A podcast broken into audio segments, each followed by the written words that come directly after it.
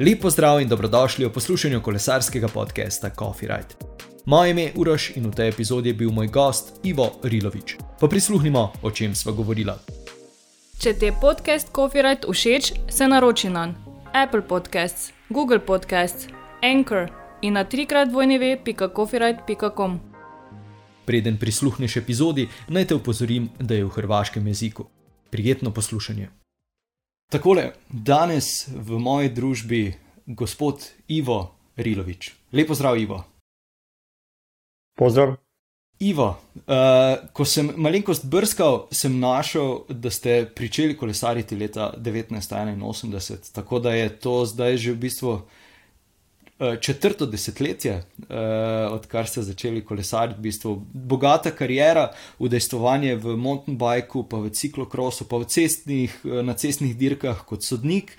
Našel sem vas pa predvsem potem, da ste, da ste prisotni veliko krat kot tisti zadnji na fotofinišu, tisti, ki odloča, uh, oziroma ki pogleda, kdo je zmagal. Uh, ja, še ostaja vedno trditev, da prekolesarite 10.000 km na leto. Pa, ajde, recimo, to je bilo prije možda nekih 5, 6, 7 godina, zadnje vrijeme baš nemam, nemam slobodnog vremena toliko, ali trudim se, trudim se. Mislim da sam na 6000 tako negdje bio zadnje leto dva. A, tako to je super, to je super. Pa, nešto je, nešto je. Ok. Uh, ja, jaz sem sicer nek kratki uvod torej naredil, ampak uh, kako bi se recimo Ivo predstavil nekomu, ki ga sreča na cesti, ki Ivo ta ne pozna?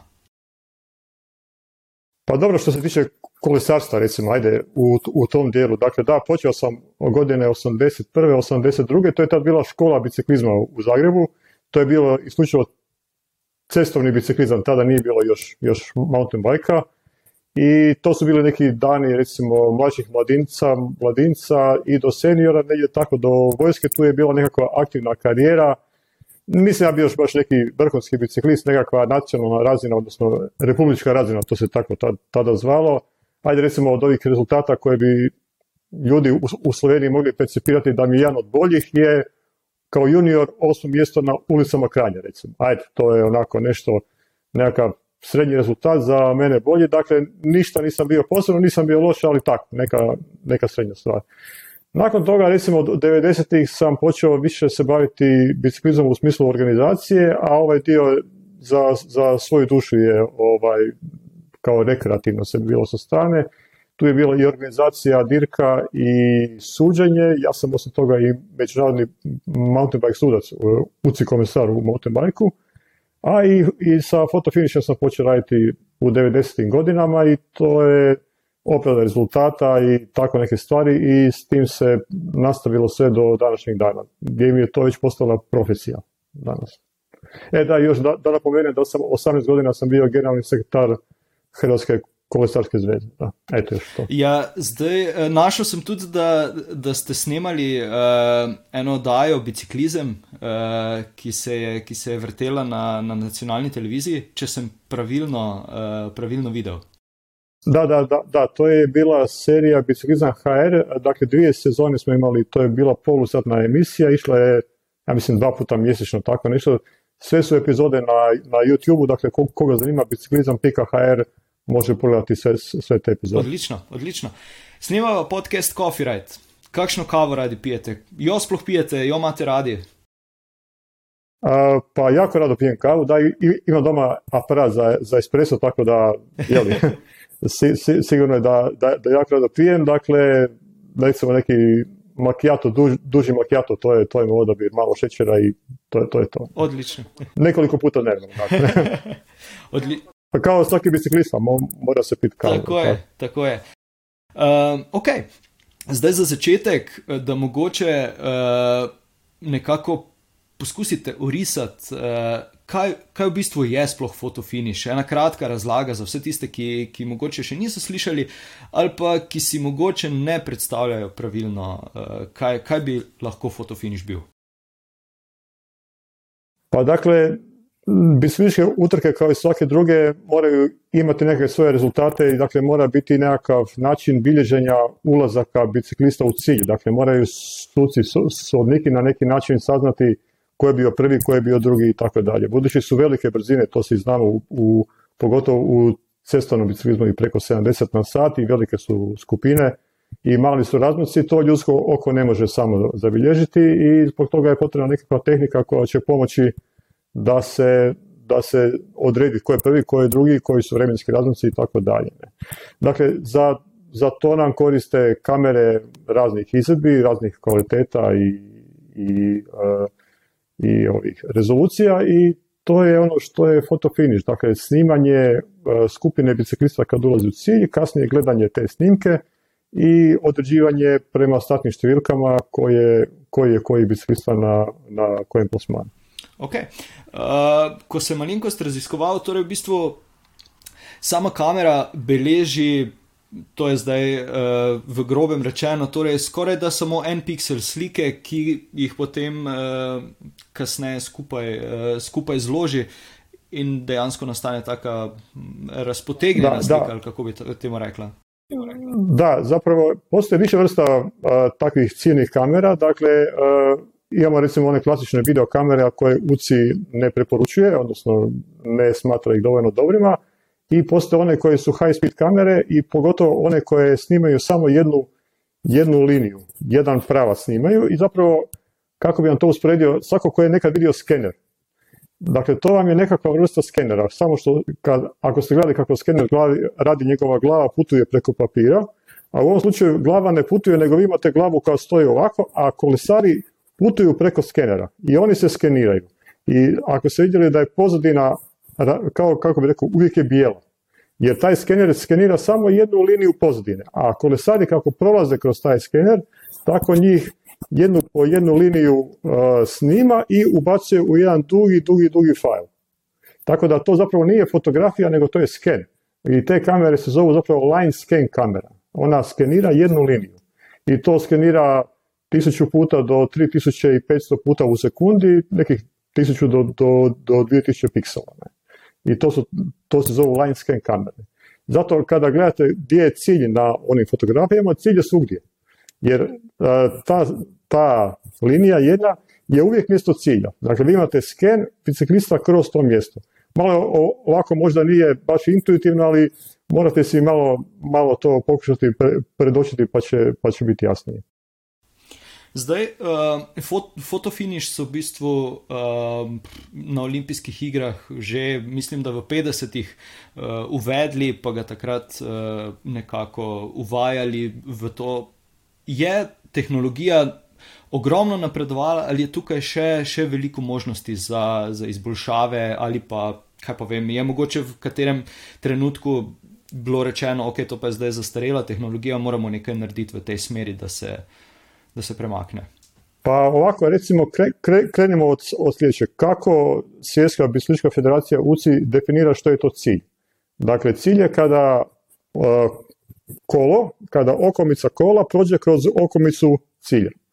I vi tu ne možete nikako to uh, drugačije odrediti osim putem kamere. Dakle, postoje sada transponderi koji su odlično pomoćno sredstvo koje vam pokaže otprilike u nekih 15 cm gdje je 15-20 cm preciznosti gdje je biciklist na cilju, ali sve finije od toga, sve preciznije od toga vi morate gledati kameru i vidjeti koje kolovi, kao, kao što je bilo nedavno na ovoj e, dirki, to je, to je poznati slučaj, dakle morate vidjeti koje od ta dva kola koje je milimetar naprijed ili ne. E sad, da bi se to što preciznije, što točnije odredilo, moramo imati što kvalitetniju kameru, što kvalitetniju opremu. UCI tu imamo zahtjeve koji su dosta, dosta visoki, te kamere su dosta skupe i ta cijela visoka tehnologija je jako skupa, čak moraju biti dvije kamere sa, sa dvije točke, čak i tada ponekad i kad imate dvije kamere, desi se da su recimo dva biciklista prvi i drugi ovdje, a treći i četvrti su između. I ova dvojica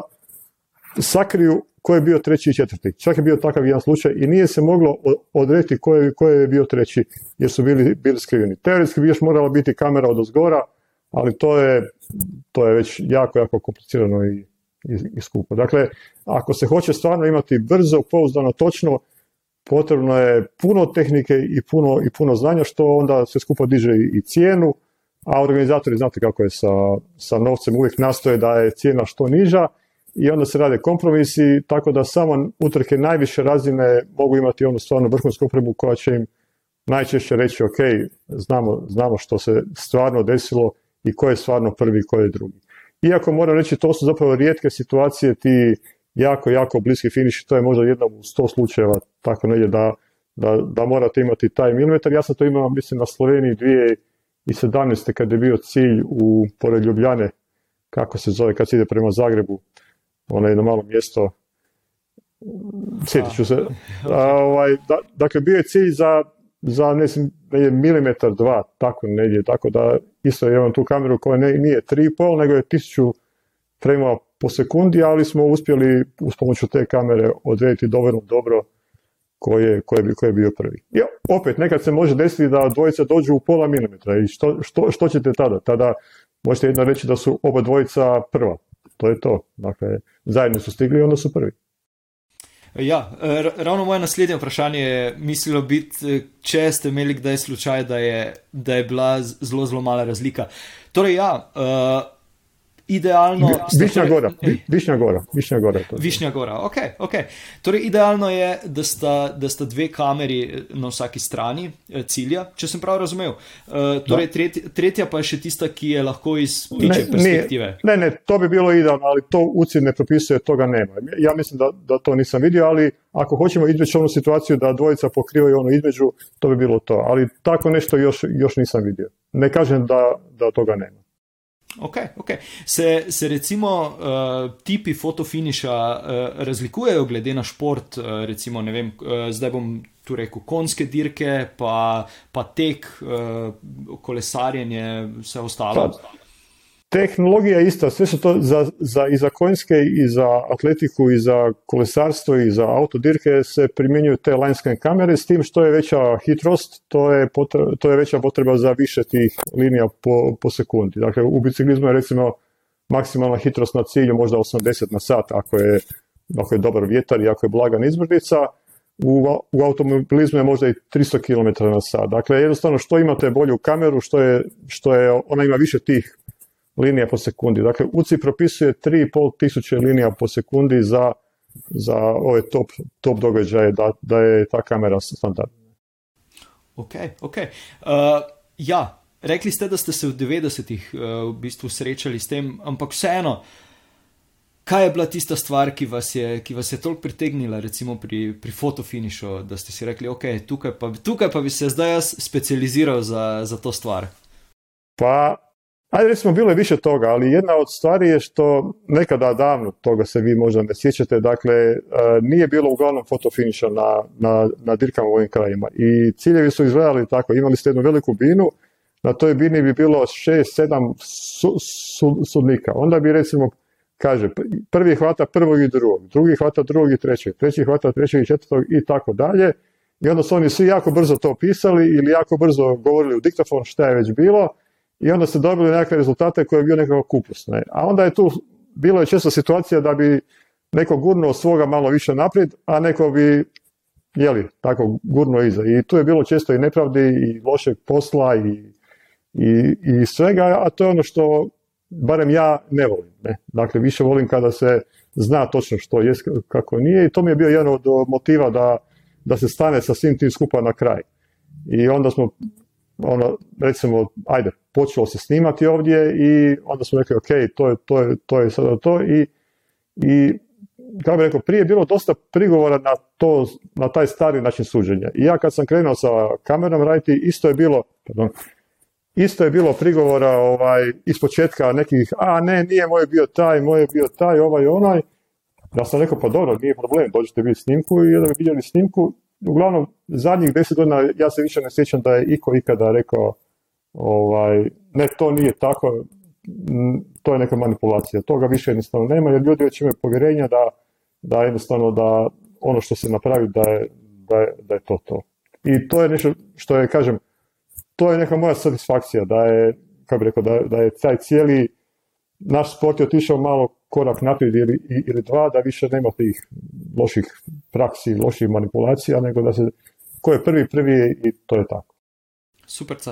Mogoče eh, sem na začetku pozabil ali pa nisva omenila, torej, v bistvu, kje ste vse že bili uh, na ciljni črti, kjer ste gledali oziroma odločali o tistem zmagovalcu. Uh, jaz sem si zapisal dirke v Istri, veli, na veliki nagradi Kranja ste prisotni, uh, Tour of ali Zubarah, če sem pravilno prebral, da, da, uh, tudi, da. Tam vas, tudi tam so vas poklicali. Uh, je še kakšna takšna dirka, da mogoče poslušalci dobijo nek, uh, nek okvir? Pa, pa bil sem na, da, da, da, na, na, na puno dirki, to je samo dio sad, to bi bio cijeli niz, ali recimo na dirki po Sloveniji, pa Srbija, pa evo, baš sam sad bio Beograd Banja Luka, na Rodosu, Mađarska, da ima što je bilo, Europsko prvenstvo u Bugarskoj, Tour of Siam na Tajlandu, u Emiratima, evo sad, da, Albanija okay. i tako dalje. Super, se vidimo da. letos tudi na, na dirki po Sloveniji. Mislim, da neće biti ove godine. Ne, ne. Ok, ok. Uh, ja, vprašanje. Uh, je kdaj bila situacija, ko, ko se pa je, recimo, malenkost uh, vse skupaj podrlo, pa ni, pa ni kamera v tistem trenutku eh, pravilno delovala. Je prišlo kdaj do te, te situacije? E, ovako, ja tu moram biti, ma, malo ću se hvaliti, ali u 20 i nešto godina koliko to radim, to, to mi se nikad nije dogodilo. Nikada ni jedan put, jedan jedini put. Dakle, ovako, ja nemam jednu kameru, nego imam tri, tri kamere. I ako slučajno jedna zakaže, druga i treća neće. Ali pored toga, ne, jednostavno to je nešto što, što mi se nije dogodilo, uvijek je prioritet na tome, ok, uh, oprema je jako robustna i, i ono kad radi, radi. Dakle, dakle, tu jednostavno nema, nema greške. Znam da se događati neke manje tehničke greške kod pojedine kamere, ali onda bi druga i izvukla cijelu stvar. Ne? Ali, evo, kažem, u 20 i nešto godina nije se dogodilo da nisam snimio cilj. I to, ja sam, to sam ponosan na to. E, potrkamo po lesu.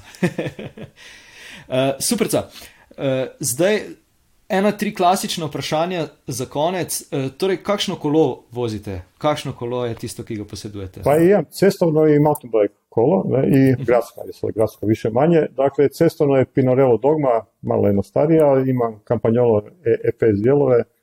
Ovaj, evo, to je, to je recimo, a mountain bike je Ghost jedan aluminijski, onako, ali ga, malo ga vozim jednostavno evo, niko da ga sredi.